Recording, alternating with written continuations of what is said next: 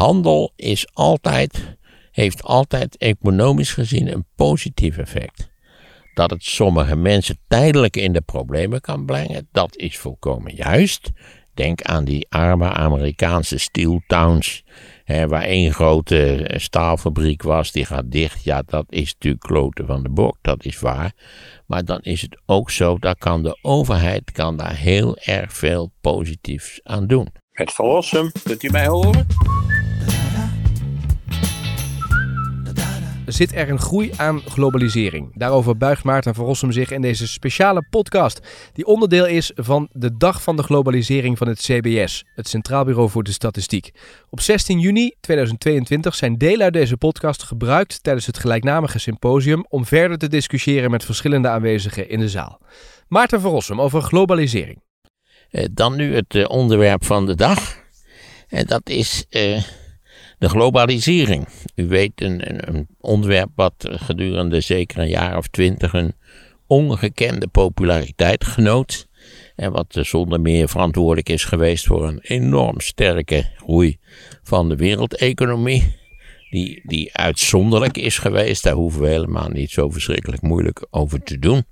Eh, zeer in het bijzonder natuurlijk doordat eh, China in feite in, nou ja, wat zullen we ervan maken, 40 jaar van een straatarm eh, land met, met 900 miljoen inwoners een, nou ja, een land is met een, met een middeninkomen positie à la Portugal las ik laatst. En nou zal er enkeling in de zaal zeggen, nou Portugal dat is ook niet uh, veel luxe, behalve dan al die experts die daar in de Algarve wonen.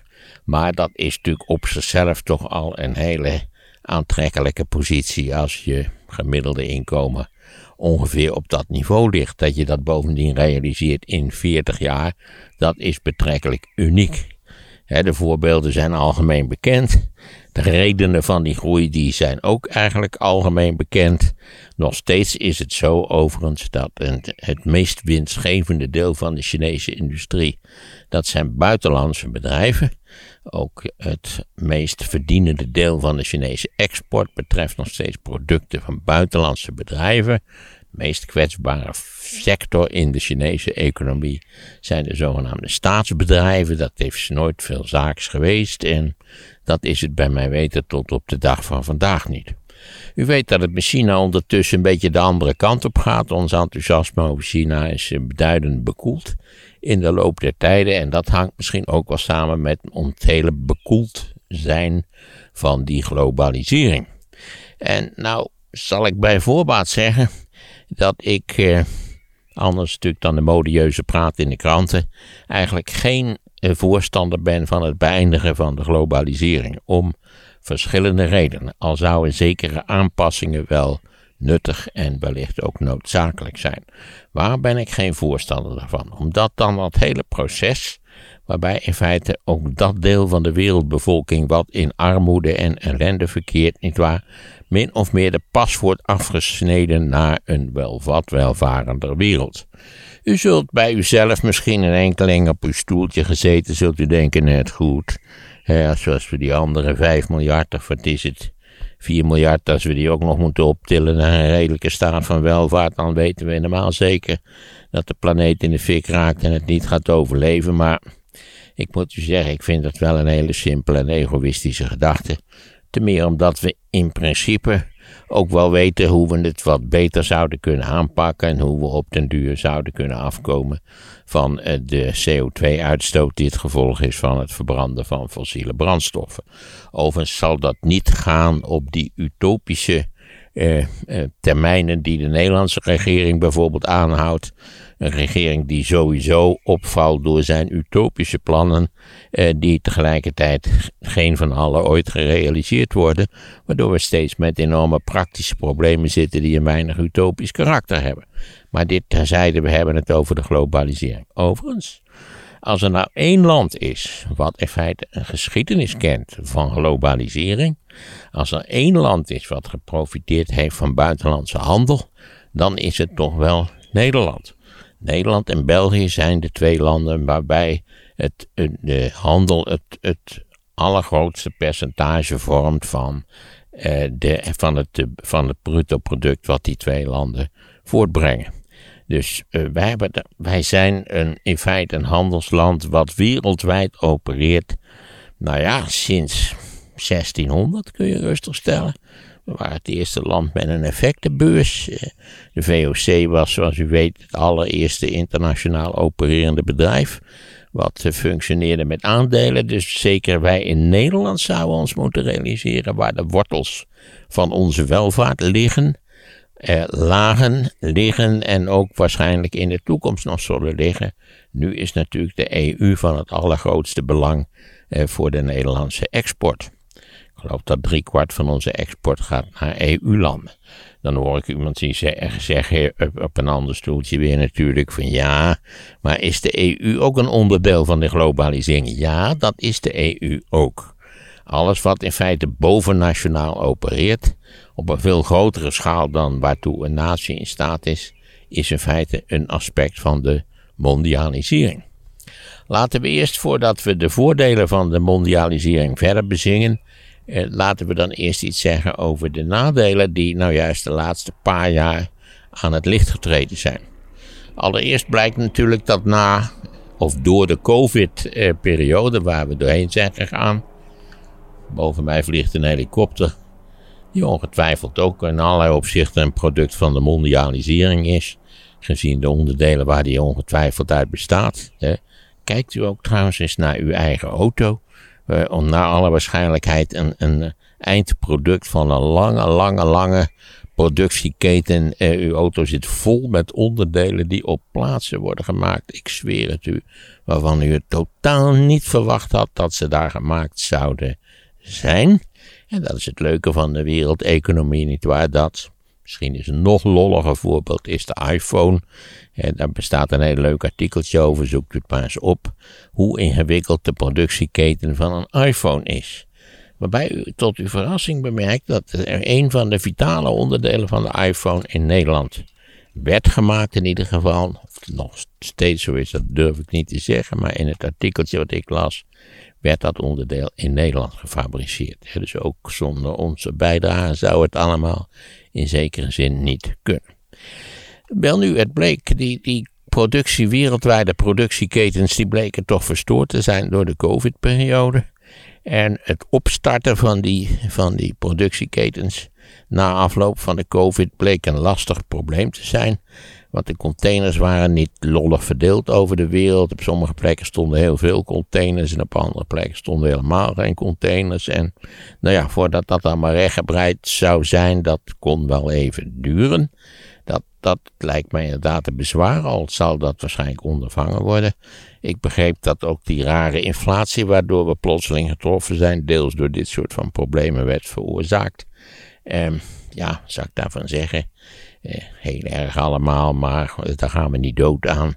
Ik herinner mijzelf, zo oud ben ik wel, een inflatieperiode van de late jaren 60 tot de vroege jaren 80, waar je u tegen zegt en zijn we daar veel slechter van geworden? Zijn daar rampen uit voortgekomen? Nou, eigenlijk niet. Daarna is het afgeremd en nu hebben we weer inflatie. We zullen zien hoe lang dat gaat duren.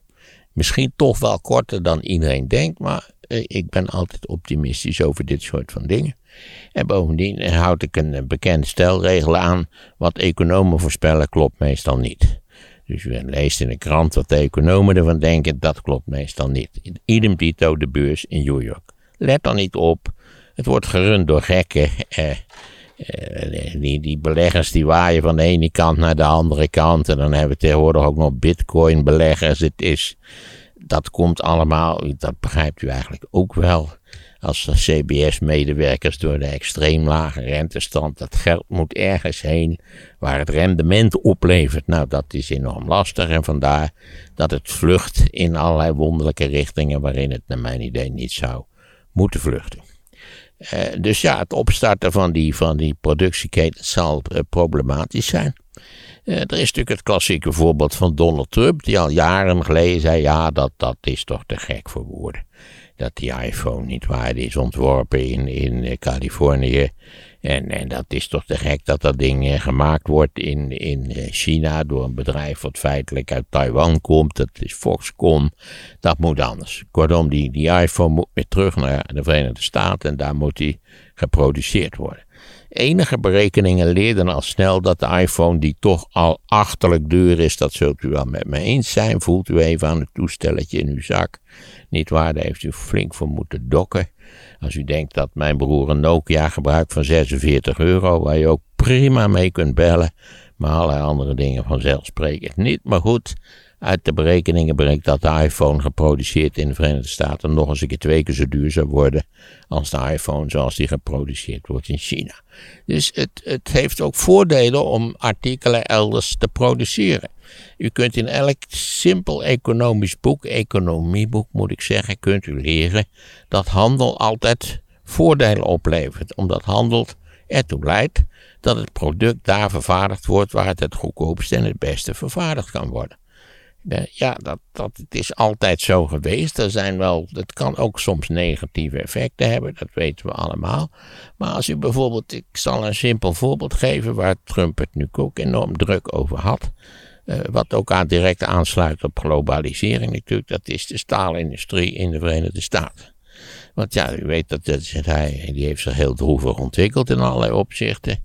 En dat heeft meerdere kanten. Ten eerste hebben de Amerikanen de modernisering van hun staalindustrie enorm laten sloffen in de jaren 50 en 60. En het begin van de jaren 70, omdat ze dachten dat ze sowieso altijd alles beter zouden kunnen dan alle andere mensen in deze wereld, wat tijdelijk zo geweest is, maar wat nu al heel lang, al heel lang niet meer zo is. De Amerikaanse economie is ook veel minder competitief dan u wel denkt. En in velelei opzichten veel minder competitief dan de Europese Unie. Kijk het maar eens eventjes na, dan zult u zien dat ik daarin gelijk heb.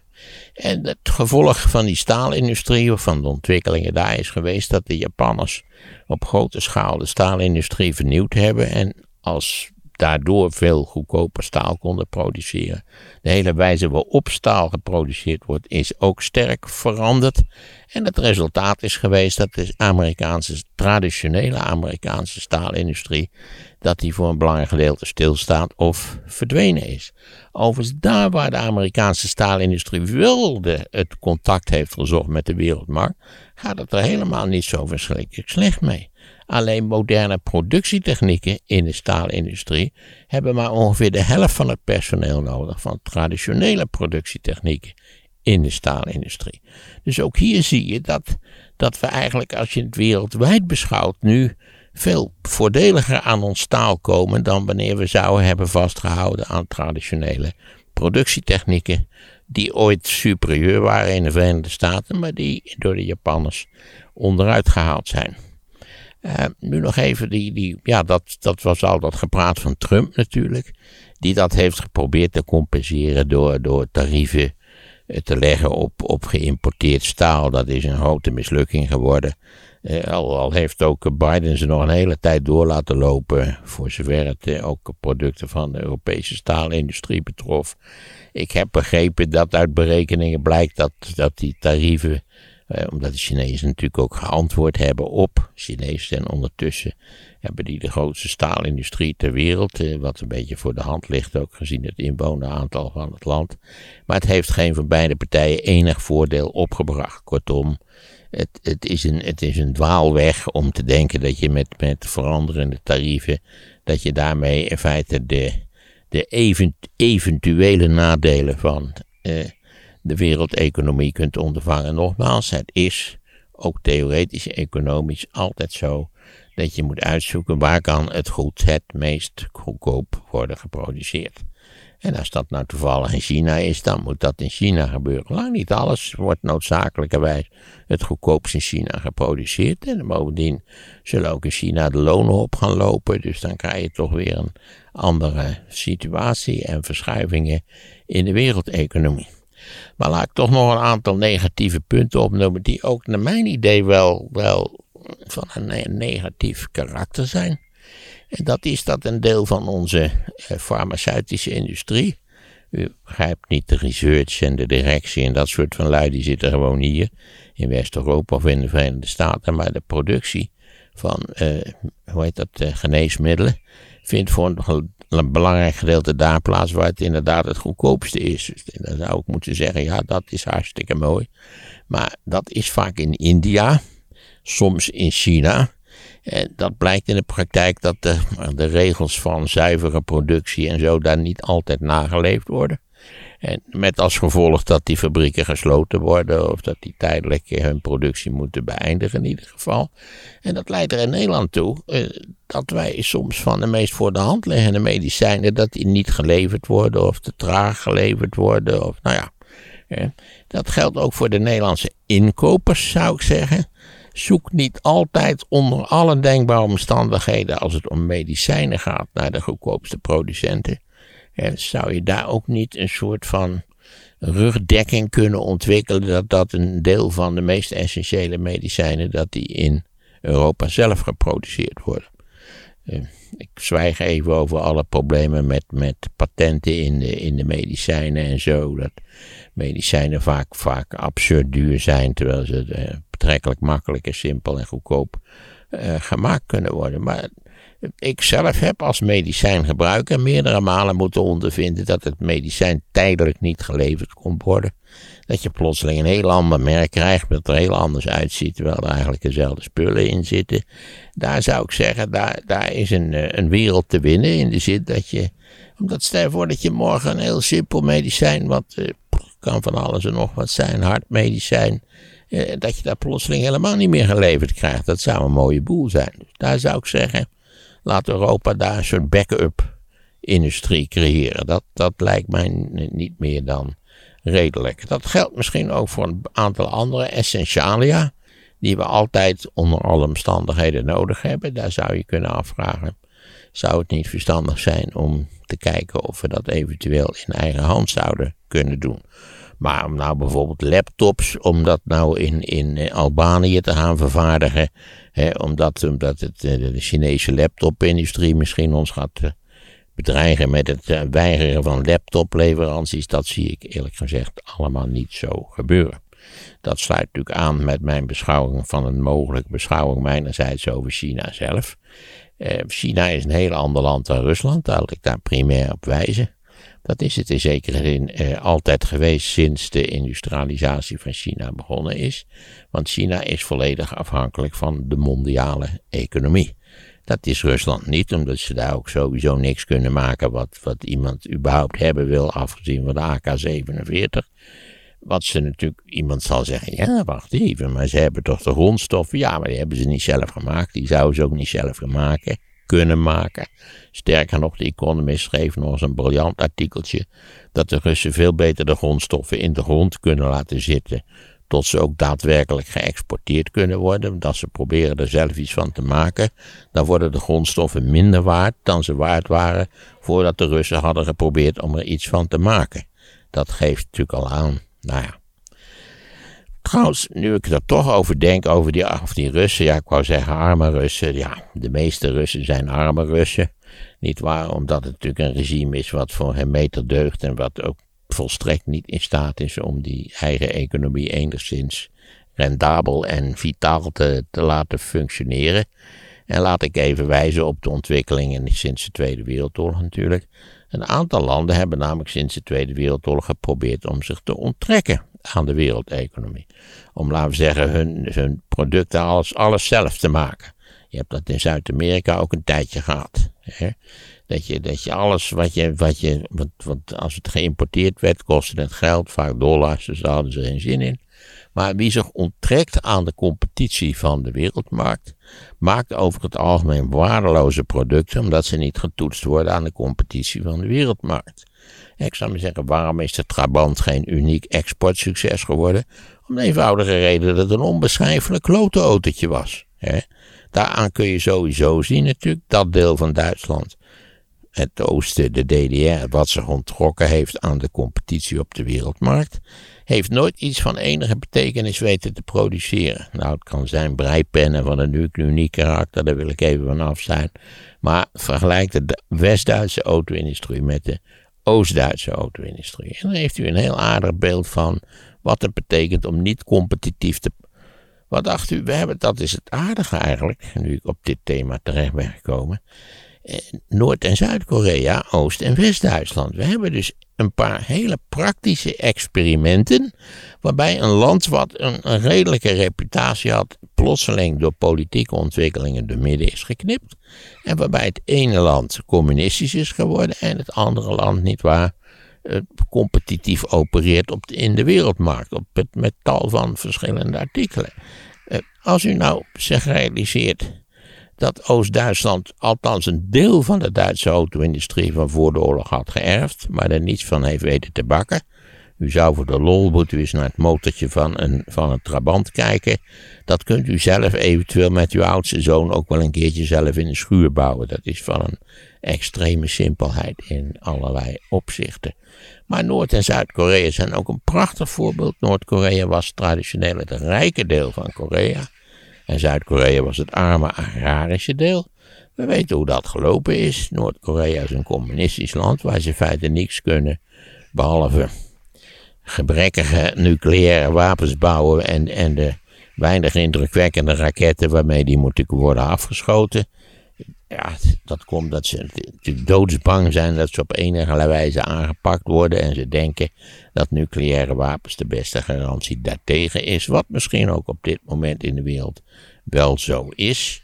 Je kunt ook in dit verband even afdwalen aan Poetin denken, die natuurlijk voortdurend schettert over die nucleaire wapens, omdat het het enige aspect is van zijn militaire apparaat waar wij echt een klein beetje bang voor zijn. Bezos niet bevreesd, hij gaat die rommel niet gebruiken. Dat, daar geloof ik niks van. Ondanks mijn andere onjuiste voorspellingen geloof ik dat dit een hele juiste voorspelling is. Eerlijk gezegd. Nou ja, nu hebben we een aantal negatieve factoren gezien van die, en ook de complexiteit van de productieketens. Die een paar jaar hebben stil, een paar jaar, twee jaar hebben stilgelegen of zo. En die nu opgestart moeten worden. Dat blijkt heel lastig te zijn. Daar zou je eventueel maatregelen voor kunnen nemen. Met name die slechte verdeling van die containers. Dat is natuurlijk hartstikke onhandig, omdat je niet zo heel gauw een paar miljoen nieuwe containers kunt bouwen. Neem ik aan. En er zijn een aantal essentialia die je, ja, waar we ze moeten zorgen dat we onafhankelijk zijn van aanbod op de wereldmarkt. En daar denk ik vooral aan medicijnen, vooral natuurlijk omdat ik er zelf ook last van heb gehad. Dat je ineens leest, ja, dit medicijn wordt tijdelijk niet geleverd. Hè? Ik ben de apotheek ook toen, ze ook altijd heel normaal over. Ja, sorry, maar. Maar ja, wordt even niet geleverd. Ja, je zult er toch wel voor. Het zal een kwestie van leven en dood zijn. Dan is dat natuurlijk niet zo aangenaam om dat te horen. Dan, dan keer ik tenslotte toch terug uh, naar mijn thema dat. Uh, globalisering, dat dat de beste oplossing is eh, om deze planeet, om de bewoners, de menselijke bewoners van deze planeet, een meer of minder humaan bestaan te bieden. Want dat betekent natuurlijk dat, die, dat geleidelijk aan stap voor stap uh, allerlei landen kennis zullen maken met het industrialisatieproces. Laat ik er ook bij zeggen, de, de, eerste fase van dat proces zijn vaak helemaal niet fijn voor degenen die door die eerste fases heen moeten. Denk in Europa aan de 19e eeuw natuurlijk. Dat spreekt voor zich. Denk aan de start van die, van die Chinese industriële revolutie in de, in de jaren 80. Eh, nog begrijp ik dat de arbeidsomstandigheden daar bepaald niet altijd ideaal zijn. Maar het is natuurlijk beter dan het lijden van bittere armoede. Met de dreiging van hongersnood eh, direct eh, achter het schuurtje, bij wijze van spreken. Eh, dat, eh, en als je natuurlijk kijkt naar, naar, naar het industrialisatieproces. Kijk, eerst dachten wij dat wij de, in West-Europa, wij is, West wij, wij is het Westen als ik het daarover heb. Ik zie mezelf wel als een, als een onderdeel van het Westen. Eventueel ook als een Europeaan. Nederlander is wel een beetje een uh, knullig dorpssoort van, van identiteit, moet ik erbij zeggen.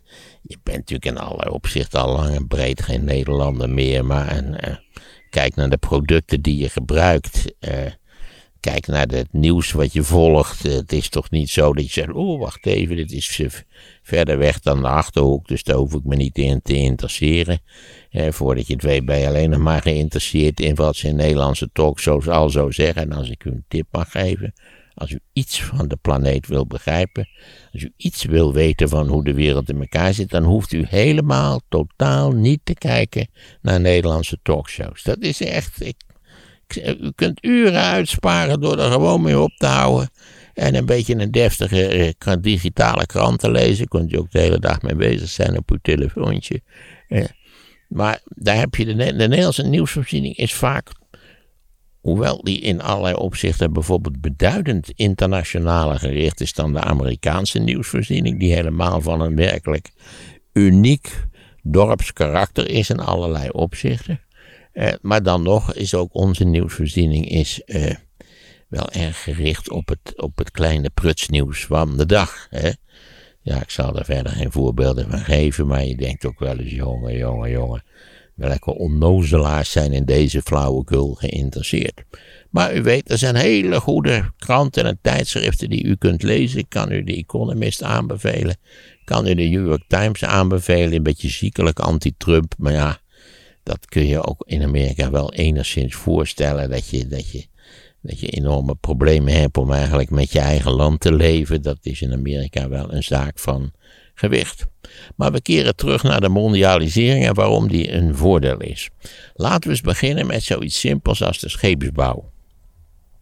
Wij waren in Nederland traditioneel een vrij forse scheepsbouwer. Eh, maar de ouderen onder u, ik weet niet of die nog in de zaal zitten, natuurlijk. Eh, ik ben natuurlijk langs van ook al ontzettend oud, maar op een goed moment eh, ging het ineens veel slechter met de scheepsbouw in Nederland. Hè, Verholmen en dan hadden we nog meer dat, dat bedrijf de Rotterdamse Droogdokmaatschappij en zo. En daar ging het ineens hartstikke slecht mee. En Verolme, eerst een nationale held, maar toen bleek het toch het bouwen van scheep, grote schepen in Nederland eigenlijk geen, voor factor te zijn waarmee je rendement genereerde. Overigens, ik maak een uitzondering voor jacht, superjachten. Nederland is een succesvolle bouwer van superjachten. Dat ligt nu even wat moeilijker natuurlijk, omdat de afnemers, namelijk de grotere wereldwijde oplichters, tijdelijk, eh, althans een deel daarvan is tijdelijk geblokkeerd. Eh, maar goed, de grote scheepsbouw verdween uit Nederland. Waar ging de grote scheepsbouw naartoe? Naar Japan en naar Zuid-Korea. Eh, is de grote scheepsbouw daar nog? Nou, misschien gedeeltelijk, maar eh, investeringen in de grote scheepsbouw zullen denk ik over een kwart eeuw ongeveer worden afgeschreven. Dus na een kwart eeuw kijken de, de, de belanghebbenden nog eens hoe het zit. En, en, en ze zijn door de kolonen in Japan ook niet fors opgelopen. Ja, dat zijn ze. Japan in allerlei opzichten precies even welvarend als wij zijn. Misschien op sommige punten nog wel wat welvarender. Dat weet ik eigenlijk niet precies op dit moment. En in Korea beginnen natuurlijk de lonen ook scherp op te lopen. Kortom, de scheepsbouw migreert eigenlijk in, met een periodiciteit van ongeveer 25 jaar naar de plek waar je het goedkoopste van die grote casco's kunt bouwen. Daar gaat het om. Je kunt altijd die schepen later, dat casco kun je ergens eh, naartoe halen en dan kun je er eh, interessante dure spulletjes opzetten. Dat is eigenlijk de, de strategie van Dame. Hè? Alleen Dame Shipyards hebben in Nederland de grote kladderadatje overleefd en die hebben daar een heel interessant model voor ontwikkeld. Je laat een casco elders bouwen. Door mensen die niet van meer kunnen dan zo'n casco bouwen. En dan kun je er de meest fantastische apparatuur in zetten. Ja, ik ben ooit, heb ik een bezoek gebracht aan Dame Shipyard, in, geloof ik, Gorkum. En nou, daar lag echt een, een sleepbootje. Prachtig werk. Twee prachtige, donkerblauw gelakte dieselmotoren. En dat alle, kon, het hele schip kon één man bediend worden met een soort van... Uh, hoe heet die knuppeltjes ook alweer die je ook bij, bij, bij games hebt. Ik heb nog geïnformeerd wat het ging kosten om er een te kopen, maar hij kostte 4 miljoen, dus ik heb het toch vanaf gezien, tenslotte. Ja, dus bij de scheepsbouw kun je zien dat geleidelijk aan die scheepsbouw zoekt naar de plek waar die in principe de schepen het goedkoopst gebouwd kunnen worden, omdat nog steeds zeg maar uit de buitenkant van zo'n schip, het casco, niet zo'n verschrikkelijk ingewikkeld apparaat is en niet in alle opzichten, in allerlei opzichten high-tech eh, apparatuur noodzakelijk maakt. En dat geldt eigenlijk in allerlei opzichten. Ja, je ziet natuurlijk dat eerst de, de, kleine, de, de, small tigers, hoe heet ook de little tigers in Oost-Azië tot ontwikkeling zijn gekomen. Dus dat is Hongkong, wat een heel belangrijke functie heeft gehad om het bij het opstarten van de moderne competitieve Chinese economie. En dan natuurlijk uh, vanzelfsprekend Singapore, de grootste haven ter wereld. Ja, dat ik toch jarenlang gedacht heb dat Rotterdam de grootste haven ter wereld was. Dat las ik altijd, daar ben ik mee opgegroeid. Tot je, tot je stomme vond ik een dag lees dat Rotterdam nu op de lijst van grote havens op de negende plaats staat of zo. Allemaal Chinese havens. Ik dacht dat Singapore de grootste was. Nou, in ieder geval hebben die landen dus laten zien. Zuid-Korea, idem dito. Taiwan is ook een goed voorbeeld. Niet waar dat je, dat je als je bereid bent uh, flink te investeren en competitief te zijn op de wereldmarkt, dat je dan hartstikke goed kunt meekomen. Uh, en ja, je kunt daar natuurlijk de staf over breken, wat erg. Maar ik heb bijvoorbeeld een Samsung televisie. Prima ding. Ongetwijfeld een stuk goedkoper dan wanneer die in Eindhoven in elkaar geschroefd zou zijn. Ik heb een, nou ik zeg nou ik, mijn vrouw heeft een Samsung wasmachine. Echt een hartstikke leuk ding. Als die klaar is met de was, speelt hij een deuntje. Dus de eerste keer denk je, wat is dat nou toch? Wie, wie speelt dit wonderlijke deuntje in de badkamer? Dat is de Samsung wasmachine. Die zal ongetwijfeld geassembleerd worden in, weet ik veel, Polen of zo. Of, of Slowakije of zo'n soort van land. Omdat wij natuurlijk in Europa ook, laten we zeggen, we hebben ook nog een wereld in Europa. Namelijk een hele dure West-Europese wereld en een relatief goedkope Oost-Europese wereld. dus de, de, grote expansie van de Duitse auto-industrie is vooral in Oost-Europa geweest, waar ze allemaal totaal nieuwe fabrieken hebben gebouwd, omdat daar de bevolking relatief hoog geschoold was, maar veel minder verdiende dan, zeg nou, in in West-Duitsland ergens. Uh, en dit probleem, of nee, probleem, deze zaak is natuurlijk van planetair belang. Omdat geleidelijk aan, wie had dat nou kunnen denken? Laten we zeggen in 1970, toen Mao Zedong nog aan de macht was, de oude schurk, oplichter en revolutionair denker. Wie had kunnen denken dat China erin zou slagen om in vier decennia de tweede, misschien ook wel de eerste economie ter wereld te worden? En we weten allemaal dat weliswaar de omstandigheden in India van heel andere aard zijn. India is een chaotisch land en infrastructuur deugt, voor geen meter. En, en, nou ja, maar toch, eh, op plaatsen eh, gaat ook de Indische economie, die ontwikkelt zich zeer voorspoedig. Pakistan volgens mij veel minder, maar goed, de Indische economie doet dat. En dan hebben we er weer 1,3 miljard mensen bij die, die, ook wel, uh, nou ja, die ook wel welvarend willen worden. En op termijn natuurlijk kunnen we ook wellicht de rest van de wereldbevolking precies langs deze stappen, eventueel dan met technologie die, uh, laten we zeggen, de CO2-uitstoot vermindert, uh, ingebouwd. Ja, waarom zouden we die mensen namelijk niet een fatsoenlijk leven garanderen? Want wat je nooit hoort, is natuurlijk dat die groei van China over die vier decennia, over die vier decennia dat die zo'n, maar dat die misschien wel 900 miljoen mensen uit een toestand van abjecte armoede heeft opgetild naar min of meer menswaardig bestaan. Dat het ook een ongelooflijk onaangename klote dictatuur is, dat is pech. Maar dat is kennelijk ook deels de deal die in China gemaakt is. De partij zorgt voor economische groei. En dan moeten wij eh, wat terughoudender zijn met kritiek op de partij. En dan heb je natuurlijk, want dat sluit in feite ook aan bij de, bij de eh, mondialisering. Het feit dat we in Europa onszelf afhankelijk hebben gemaakt van energieleveranties buiten de grenzen of de gebieden die wij zelf kunnen controleren. Daar zitten we nu wel even met de gebakken peren. En daar is het wel netjes om toch te zeggen dat de Amerikanen al jaren zeggen: zorg dat je je niet afhankelijk maakt van Rusland, Nord Stream 2. En, eh, want hij is niet te vertrouwen. En dat wij toch allemaal dachten, ik ook hoor. Eh, ik ben ook een, ontzettende Merkeliaan, was ik blijf praten. Geen conflict zoeken, wat, wat is de zin daarvan, enzovoort. Nou ja, nu komen we natuurlijk toch lelijk op de koffie. En zullen we moeten zorgen. Je kunt ook Kijk, elke tegenslag was het ook alweer. Don't waste a good crisis. Dat, dat, dat, is, een hele aardige uitspraak eigenlijk. De, de, de energieprijzen lopen nu enorm op. Dat zal een enorm bezuinigend effect hebben. Dat was namelijk ook al in de jaren zeventig, toen die olie ineens een stuk duurder werd, had dat ook als effect. Het bleek in allerlei opzichten stukken en stukken zuiniger te kunnen dan we het deden. Er was natuurlijk een tijd dat een barrel olie en zo'n vat olie kostte 2 dollar. Ja, dat waren natuurlijk geen serieuze prijzen. Ja, onze Olivier heeft het gratis in de grond gestopt. Weliswaar op de verkeerde plekken, maar goed. Hij heeft het gratis in de, in de grond gestopt. Dus ja, wij zullen in allerlei, in sommige opzichten zullen wij, eh, vooral ik denk nu even aan de Europese Unie, zullen wij eh, eh, onze eigen energiebehoeften moeten zien te stillen. Dat is wel mogelijk, denk ik. Dat, daar is ook wel wat technologie voor. Ik denk dat de Amerikanen best bereid zullen zijn om een aantal punten Amerika is tegenwoordig ook een netto-exporteur van energie, dus misschien zullen ze dat wel willen doen. We hebben geen idee of niet in Amerika ook een halve jaar aan, de, aan het bewind komt, dus dat maakt de druk om, om zelf iets te regelen op dit punt toch nog wat sterker. Maar het is denk ik tijd voor afronding. Klopt dat een beetje? Ja, het is tijd voor afronding.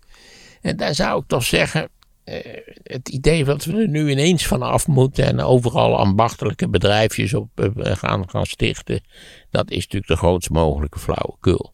Eh, de, de, de industriële revolutie in de breedste zin, die is ergens begonnen in de, in de 18e eeuw en die loopt nog steeds door. En we kunnen nog steeds veel uh, efficiënter producten maken dan uh, we dat bijvoorbeeld 20 jaar geleden of, of 10 jaar geleden konden. Daar zit een enorme progressie in. En tegelijkertijd wijs ik op het punt, we kunnen met die industriële revolutie voor nog veel meer bewoners van deze planeet een menswaardig bestaan organiseren. En slaat u het maar na in uw economieboek, als u zich dat nog herinnert. Handel is altijd heeft altijd economisch gezien een positief effect. Dat het sommige mensen tijdelijk in de problemen kan brengen, dat is volkomen juist. Denk aan die arme Amerikaanse steel towns, hè, waar één grote staalfabriek was, die gaat dicht. Ja, dat is natuurlijk kloten van de bok, dat is waar. Maar dan is het ook zo, dat kan de overheid kan daar heel erg veel positiefs aan doen. Dat toevallig de Amerikaanse overheid dat niet doet, dat is een politieke keuze. Je kunt dat heel fatsoenlijk afhandelen. Net zo goed als het stikstofprobleem fatsoenlijk afgehandeld kan worden, maar het moet ook afgehandeld worden. Of dat nou ook een wereldwijd probleem is, dat weet ik niet, want ik geloof dat onze stikstofuitstoot wel ongelooflijk hoog is. Maar denk aan de prachtige geschiedenis van de Nederlandse Republiek. Bij tellingen aan de Zond in 1500 was het al zo dat het aantal Nederlandse schepen wat de Zond passeerde, was groter, handelsschepen, was groter dan de handelsschepen van Engeland en Frankrijk samen. Wij zijn bij uitstek een gemondialiseerde economie. Laat het vooral zo blijven. Tot zover deze podcast van Maarten van Rossum. Wil je niks missen? Abonneer je dan op dit kanaal. Ik